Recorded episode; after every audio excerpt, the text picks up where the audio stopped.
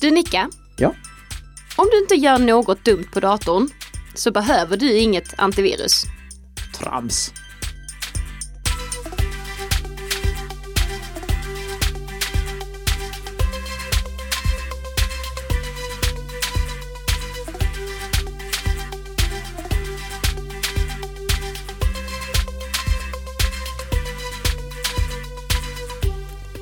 Tjena Nicka!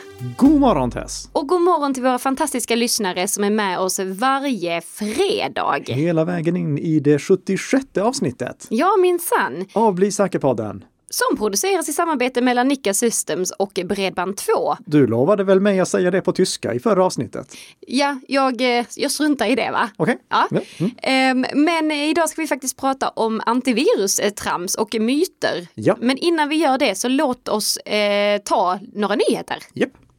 Vad har vi om TinyURL?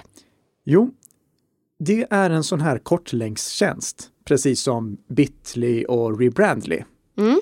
Vi pratade för några avsnitt sen om eh, Go-subdomänen och varför den är så bra att använda för eh, kortlänkar. Mm, just det, eh, det. Det var i avsnittet eh, mindre www och mera Go.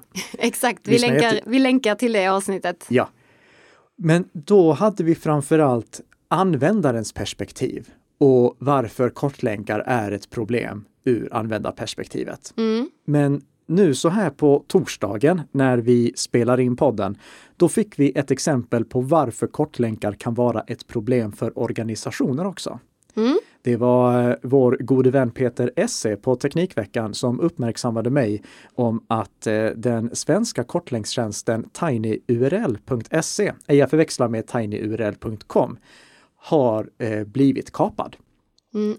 Ja, så när någon klickade på kortlänkar som gick via den tjänsten, så oavsett liksom, men Ja. allt som börjar med tinyurl.se. precis, Mm. då kom de inte direkt till den rätta webbsidan utan de fick upp en, eh, ett litet extra fönster med all möjlig typ av konstig reklam. Eh, Bland annat eh, en artikel där Stefan Ingves var väldigt förvånad över det här nya underjordiska ekonomisystemet som alla skulle investera i.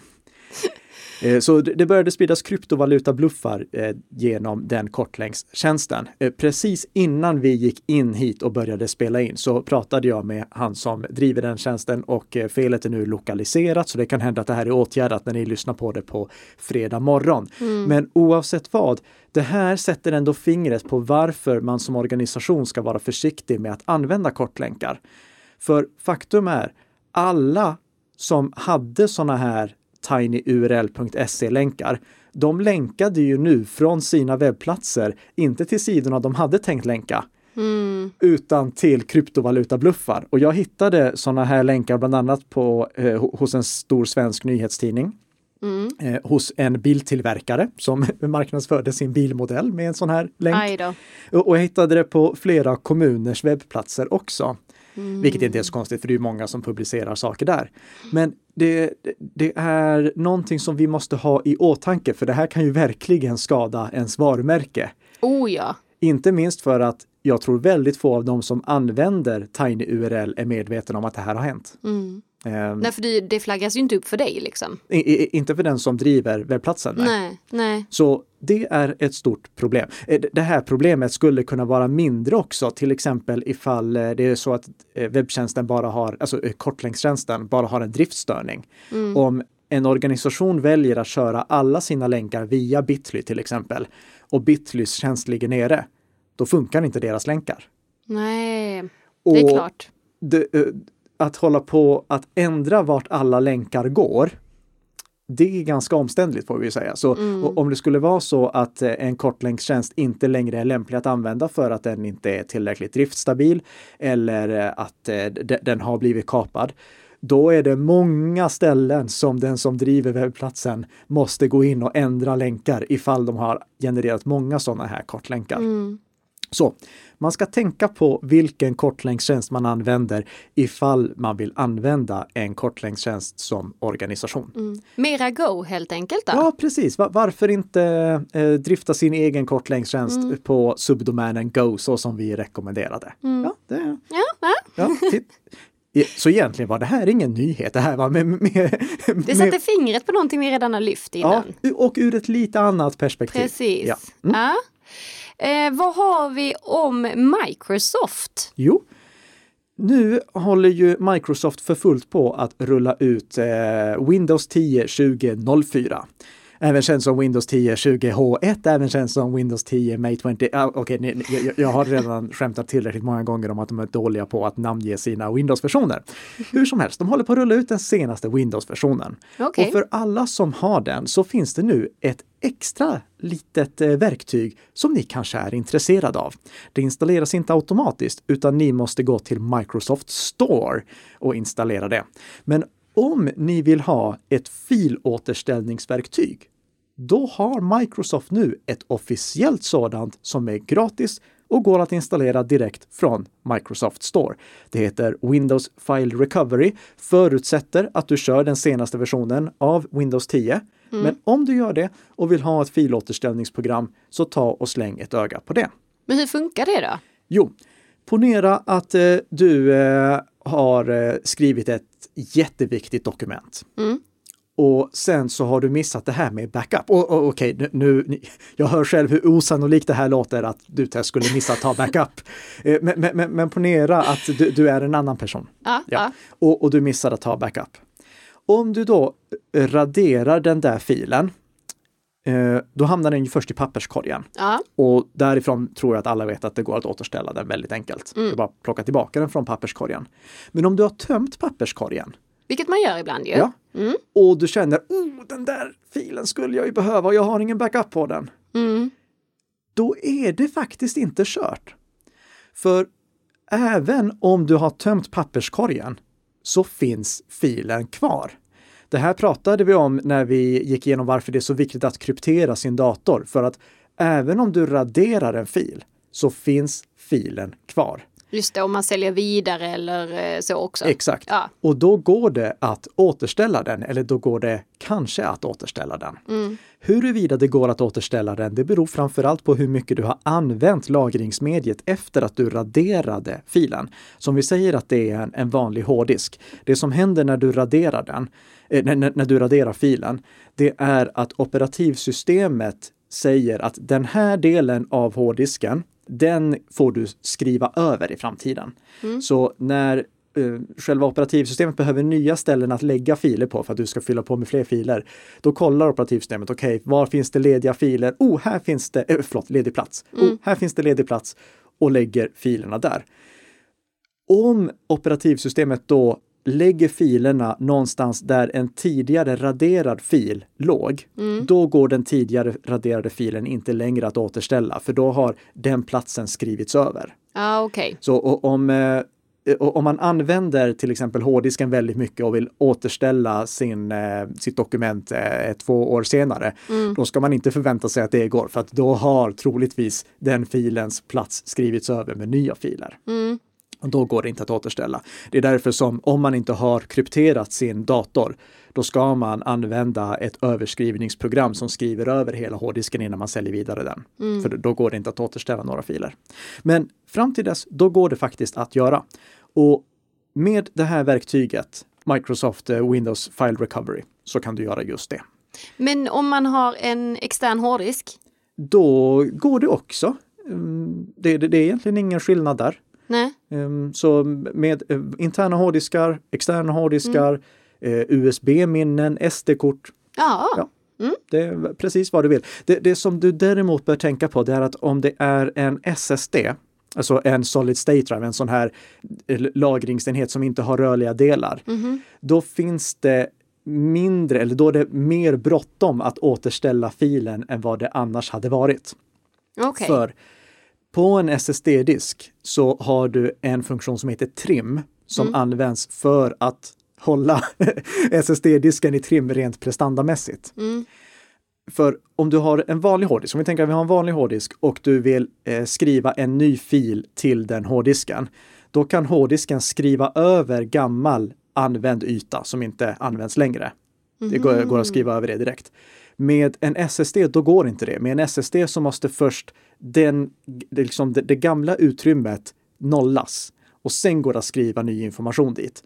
Det gör att när en SSD-disk har varit full, även om du har rensat bort gamla filer, så sjunker prestandan. Aha. Eller den hade i alla fall gjort det om du inte hade haft trim. För trim är en funktion som finns inbyggt i både Windows och MacOS som springer runt på SSD-disken, hittar gamla ställen där det har legat filer och sopar bort dem. Jag ser den här gamla hunden i Alice i Underlandet med ett huvud mm. som är en kvast som ja, springer runt. Precis, ja. springer runt och, och, och sopar rent så att de gamla ställena där det inte längre ligger en fil som används aktivt mm. och därför den ytan går att använda på nytt. Eh, så Trim ser till att hålla din eh, SSD i trim. Så när det är dags att skriva någonting på en plats som tidigare har använts, då ska det utrymmet redan vara nollat så att det går att skriva till det direkt. Men det innebär ju också att om Trim har trimmat bort den gamla filen, då går det inte att återställa den längre. Nej. Det, det, finns dock en sak som är lite tråkig med just Windows uh, File Recovery. Det har inget grafiskt gränssnitt. Aj då, aha. Vilket förvånade mig lite. Så det är, en, det är en applikation som finns i Windows Store, men det finns inget grafiskt gränssnitt utan bara kommandorad. Men det kanske kommer då? Det hoppas jag. Ja, mm. Vi får se. Ja. Ja, men då, då kör vi sista nyheten här. iOS varnar för klippbordskapning. Exakt. Det här är en ny funktion som kommer i iOS 14. Och vi kommer ju ha ett poddavsnitt där vi går igenom alla säkerhetsnyheter som finns i iOS 14. Men redan nu så har det skrivits en hel del om den här nya varningsfunktionen som ger en notis till användaren när en app på hans eller hennes mobil försöker få åtkomst till eh, urklippen. Urklippen som används för att kopiera och klistra in text mellan olika applikationer. Mm. För förra veckan, då uppdagades det att den här populära videochattappen, eller inte videochattappen, men videoappen TikTok lyssnade på vad som fanns i eh, urklippen. Ah. Och det blev lite skandal. Mm. Eh, TikTok hävdade att de självfallet inte hämtade den informationen, alltså informationen skickades inte till deras server utan det var bara lokalt på enheten. Men det skulle exempelvis kunna vara att om jag skulle kopiera ett lösenord Ja, lösenord hade varit det värsta. Ja. Eh, då hade i teorin mm. en app kunna snappa upp det. Okay. Ja. Mm. Jag säger absolut inte att TikTok gjorde det och jag säger inte att TikTok skickade vidare Nej. den informationen, men det skulle det kunna skulle vara så. Kunna hända så. Mm. Och sen det här uppdagades, då har den här listan med appar som tittar på vad som finns i urklipp bara fyllts på. Mm. Eh, nu senast innan vi gick in här och började spela in så såg jag LinkedIn också hade åkt dit på det. Ah. LinkedIn hävdade att det var en bugg som gjorde det, men e-, egentligen spelar det ingen roll. Det är inte det som jag vill eh, poängtera här. Jag vill poängtera att det här är någonting som vi inte ens har reflekterat över att skulle kunna vara ett problem. Alltså att appar håller på att tjuvlyssna på vad vi har i våra urklipp. Mm. Det är därför väldigt, väldigt glädjande att se att Apple nu skickar upp en sån här notis varje gång en eh, app kommer bege, begära åtkomst till urklippen eller från och med iOS 14 göra det. Mm. För då kommer ju väldigt många appar som beter sig illa, antingen om de gör det av misstag eller om de gör det av icke-legitima skäl, blir väldigt uppmärksammade över att varför i hela friden kollar du på vad jag har i mitt klippbord? Det har du ingenting med att göra. Mm, exakt. Så det är jag väldigt glad för. Och nu kommer snart också iOS 14-betan att göras publik så att inte bara vi utvecklare har tillgång till den utan att även allmänheten kan börja testa iOS 14. Mm. Och då är jag övertygad om att det kommer vara mycket fler appar som dyker upp på den här listan. För det här mm. verkar ju då vara ett beteende som har skett under lång tid utan att någon har reflekterat över att det skulle vara ett problem. Ja. Vad vill vi ge för rekommendation med anledning av det här då? Jo, jag vill passa på att slå ett slag för lösenordshanterare. Håll Nej, i dig! Va? Nej, håll i hatten! ja, ja, precis. För om du har en lösenordshanterare som LastPass eller OnePassword, då behöver du inte hålla på att kopiera och klistra in lösenord så som du får göra ifall du har dina lösenord sparade i anteckningar mm. till exempel. Mm. Utan då tar du istället bara och väljer att fylla i lösenord i appar och i webbläsaren med LastPass eller OnePassword. Och då passerar inte lösenordet klippbordet eller urklippen. Ja. Det här gäller även Android. Det här problemet är troligtvis inte på något sätt eh, begränsat till iOS. Så eh, även på Android rekommenderar jag att använda en eh, lösenordshanterare som har stöd för att integreras i Android så att du kan dra nytta av lösenordsifyllnadsfunktionerna istället för att hålla på och kopiera och klistra in. Mm. Tack för de nyheterna Nicka. Tack själv. Tack själv. Eh, nu ska vi prata om eh, antivirustrams eller myter om antivirus. Ja, Och jag, kan inte du berätta lite bakgrunden till varför vi ska ha det här? Eh, det, det var jag ämnet? som hamnade i en diskussion då va? Okej, Mm, det, chockerande. och, och det var en diskussion som, alltså, jag har haft den så många gånger så nu tänkte jag okej, vi gör som så här. Jag spelar in ett poddavsnitt där vi går igenom det som är trams om antivirus så kan jag hänvisa till det istället för att behöva säga allting från början varenda gång. Så då säger jag, lyssna på det här avsnittet. Mm. Det, det är nu som våra lyssnare fattar varför vi gör den här podden överhuvudtaget. Nej, men eh, skämt åsido, det, det, det finns många missuppfattningar kring antivirus och dåliga rekommendationer där kring. Vi pratade om en hel del av det här i vårt avsnitt som eh, handlade om huruvida man behöver antivirus på Windows och huruvida man behöver antivirus på Mac OS. Men vi tar några av de kommentarerna som dök upp i den här diskussionen och bara ser om det ligger någon sanning i påståendena eller inte. Så vi har fem stycken påståenden som jag tänkte att vi tar och går igenom. Ja, så här har vi påstående nummer ett. Det räcker att scanna datorn med malware bytes. Ja, och Malwarebytes är en populär virusskanner som kan söka igenom datorn för att se om det finns skadeprogram på den. Mm. Och för min del så får vem som helst köra Malwarebytes. Det, Det är, ni- då, det är inget dåligt liksom. Jo, det är det. Jo, men- det, det är faktiskt det, det som jag hade tänkt nämna därefter, men nu förstörde du lite för mig där. Attans. Alltså, Malwarebytes är det, det- det har ett oförtjänt bra rykte för Malwarebytes är inte bra som klientskydd. Alltså, det, man, man ska inte ha det som sitt huvudsakliga klientskydd. Jag vet inte om det är det det är tänkt till heller. Men jag, hör så många som hyllar Malwarebytes för att ja, det skyddar inte bara mot virus utan det skyddar också mot maskar och mot trojaner och mot spyware. Och Ja, det gör alla antivirus. Anledningen till att jag benämner det klientskydd när vi inte nu uppenbart pratar antivirus för att det var en antivirusdiskussion. Det är att moderna antivirus, de skyddar mot alla de här sakerna också. Antivirus är bara en gammal term som lever vidare. Och Malwarebytes är alltså inte ett bra sådant ens. Eh, Nej, okej. Utan eh, Malwarebytes, om man kollar till exempel på hur det presterar hos AV-test. Mm. AV-test är ju en av de testsajterna som vi brukar rekommendera att man kollar på när man ska jämföra klientskydd och då kollar på hur olika klientskydd har presterat över tid. Mm. Och där kan ni se att Malwarebytes är bland de sämre. Så jag, jag förstår att man vill ha Malwarebytes. Det finns säkerligen fördelar med det. Mm. Men se inte det som någon ersättare till ditt antivirus slash klientskydd på din dator. Nej, okej. Påstående nummer två. Ja. Klicka inte okej på förfrågningar om admin. Ja, och det är ju en bra rekommendation. Alltså, och om eh, en eh, och om det dyker upp en dialogruta som säger att det här programmet måste ha administratörsrättigheter. Om du klickar nej på det, då får inte programmet administratörsrättigheter, vilket innebär att det kan inte infektera datorn på djup nivå. Mm. Problemet är att du kan inte göra någonting med din dator om du ska leva efter den regeln helt och hållet. För du kan inte installera ett vanligt program utan att ge programmet eh, administratörsrättigheter. Nej, det är sant. Ja. Så det, visst, risken för att du drabbas av en stor skadeprogramsinfektion minimeras om du följer den regeln, men du har inte en användbar dator. Nej. Så vi, vi- kan väl säga som så här. Var väldigt restriktiv med vilka saker du låter köra som administratör. Mm. Så var inloggad som vanlig användare. Var restriktiv med vilka program du ger administratörsrättigheter. Undvik om möjligt. Och, Finns det någon tumregel från dig? Så här. Nej, det, det, det- kommer sig mer av att framförallt på företag, där ska du enbart installera de applikationerna som är godkända av IT-avdelningen. Mm. Och överlag, var väldigt försiktig med vilka applikationer du installerar. Så detta ersätter ju inte heller att, eh, ett eh, antivirus. Nej, nej, nej, nej. Det, det, det, det, är bara en intressant eh, rekommendation. Men att, att ha det som alternativ till antivirus, det hamnar på den här fina tramslistan. Ja. Eh, Okej. Påstående nummer tre. Skicka alla nedladdade filer till Virus Total.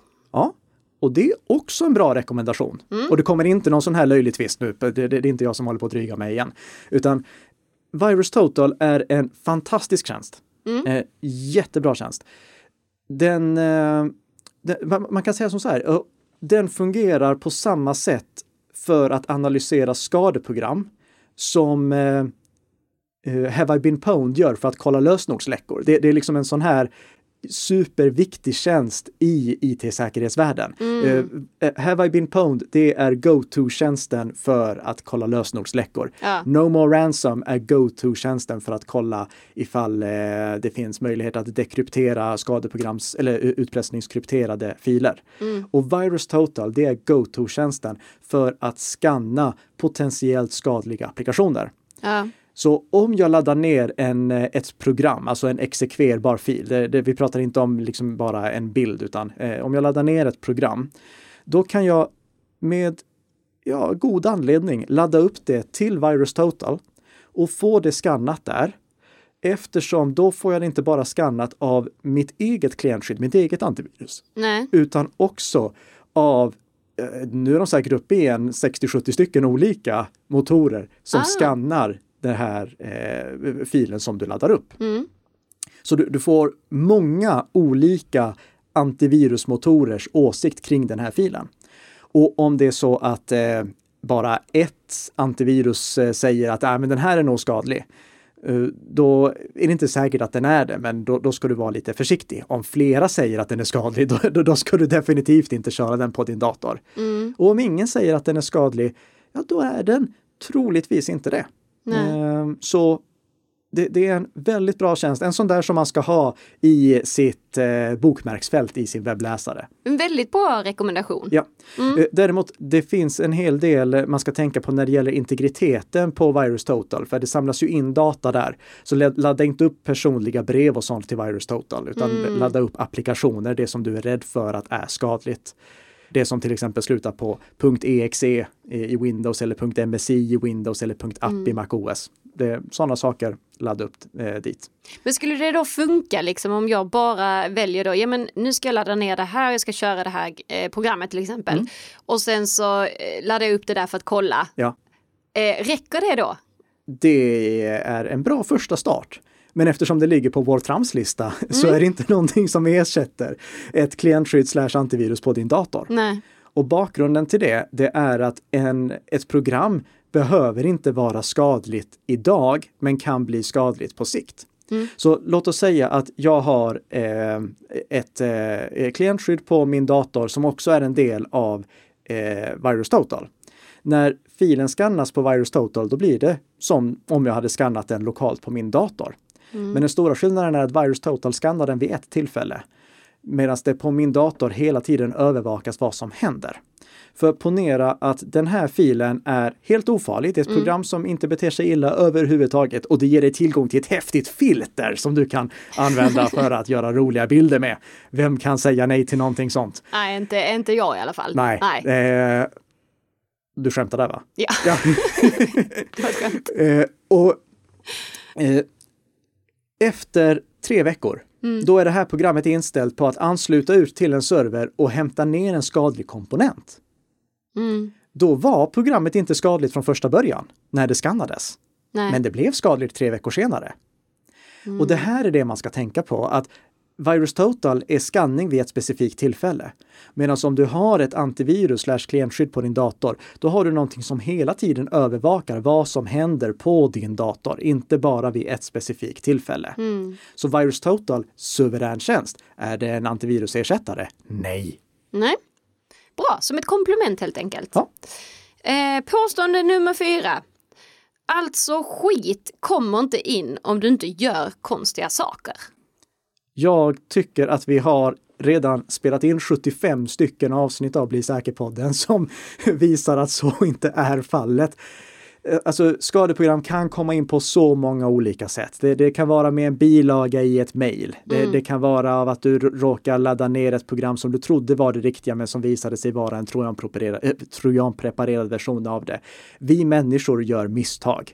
Och jag brukar poängtera att ett antivirus det är framförallt ett skyddsnät. Det är någonting som ska rädda oss om vi gör fel och det är någonting som också ska detektera om vi har fått ett skadeprogram på vår dator. Så det påståendet är bara trams. Bra, då fick du sagt det. Mm. Påstående nummer fem och det sista påståendet faktiskt. Det räcker att hålla koll i aktivitetshanteraren. I aktivitetshanteraren så kan du slå, då kan du se vilka olika saker som körs på din dator. Vilka olika program, vilka olika processer som är igång på din dator och hur pass mycket de belastar och liknande. Mm. Och som jag sa i avsnittet som handlade om huruvida man behöver ha klientskydd på sin dator eller inte, så kan inte du som användare, hur IT-kompetent du än är, ha koll på vad som sker på din dator genom att kolla på programmen i aktivitetshanteraren. För som vi har konstaterat i till exempel förra poddavsnittet så är eh, våra skadeprogramskapare ganska smarta. De är ju det. Ja, det, de är uppfinningsrika. Ja. Och då namnger de inte sina skadeprogram till exempel bigmotherkingvirus.exe utan de kallar dem explorer.exe Mm. eller någonting sånt. Så nej, du kan inte utröna huruvida du är infekterad av ett skadeprogram som inte vill märkas bara av att kolla på vad som finns i aktivitetshanteraren. Mm. Så nej, det är trams det också. Och med det sagt så har vi gått igenom de fem sakerna som jag ville eh, få ut att eh, man inte ska tänka på när, eller tänka att gäller när det kommer till antivirus och klientskydd. Så som vi har sagt tidigare så rekommenderar Nika Systems att eh, du har, eller till och med du ska ha, ett eh, antivirus slash klientskydd på din Windows-dator. Vi rekommenderar det på MacOS. Du behöver däremot inte ha det på din mobiltelefon. Om du vill ha de längre resonemangen kring det här så finns det i separata poddavsnitt som vi länkar till våra show notes. Och jag vill också poängtera att Nika Systems har absolut inget intresse av att sälja antivirus eller klientskydd, för vi säljer inga sådana. Eh, så eh, jag säger inte det här för att vi ska tjäna pengar på att sälja klientskydd. Det är eh, till och med så att jag tycker att om du inte vill betala för att få premiumfunktioner som finns i något klientskydd, så håll dig till det inbyggda som finns i både Windows och MacOS. Mm. Det, det, stäng bara inte av det. I MacOS kan du inte ens stänga av det. Eh, Utan stäng bara inte av det inbyggda du har i Windows. Och vill du ha mer avancerade funktioner så finns det mer kompetenta program som inte heller falskvarnar så ofta som Microsoft Defender tyvärr har en tendens att göra. Ja. Ja. Punkt. Mm.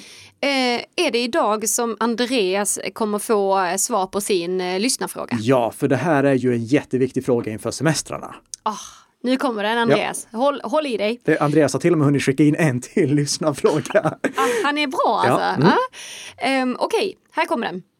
Ni har tidigare pratat om att man bör använda en VPN-tjänst när man är på publika wifi. Hur är det med mobiluppkoppling? Bör jag köra VPN där med för att vara extra säker? Min mobil drar mycket mer ström när jag gör det, så det vore kul att veta om det är någon poäng med det. Jag eh, har svarat eh, Andreas tidigare, men eh, nu får alla då också det här svaret eftersom jag tror det är fler som är nyfikna på det.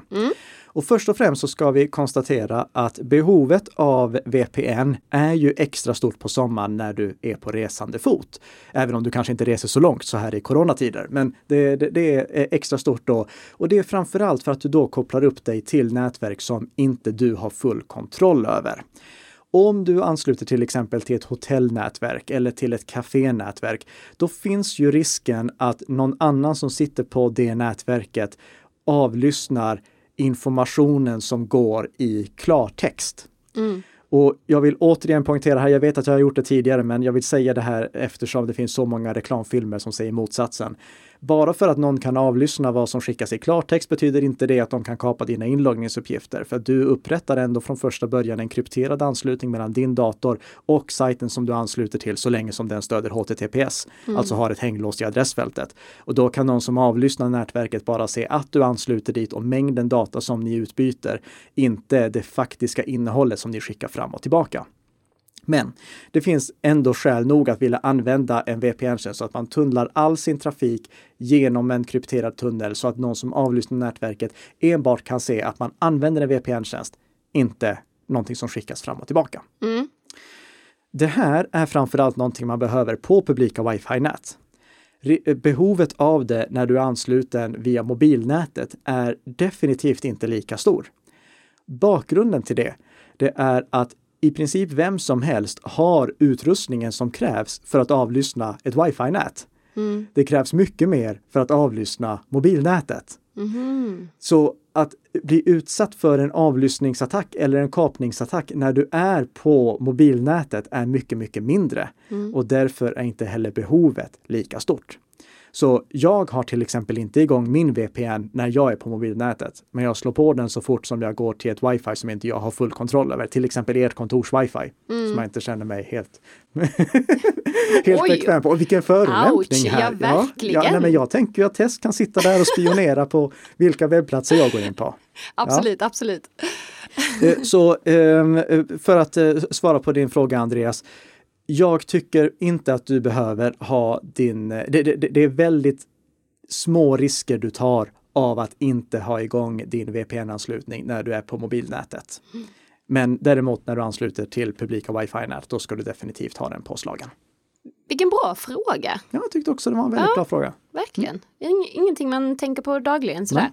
Och jag tror att fler är intresserade av VPN. Vi har haft tidigare poddavsnitt om det som vi Mm. länkar till. Och sen så tycker jag att alla ska prenumerera på den här podden. För nu i sommar, när du är på semester, Mm. då kommer faktiskt vdn för den svenska VPN-tjänsten Mullvad hit. Ja, Och han kommer berätta lite om ett nytt häftigt VPN-protokoll som heter WireGuard. Och det vill ni definitivt inte missa. Så prenumerera på den här podden så blir vi jätteglada. Det blir vi också om ni tipsar era vänner och om ni lämnar en fin recension i iTunes.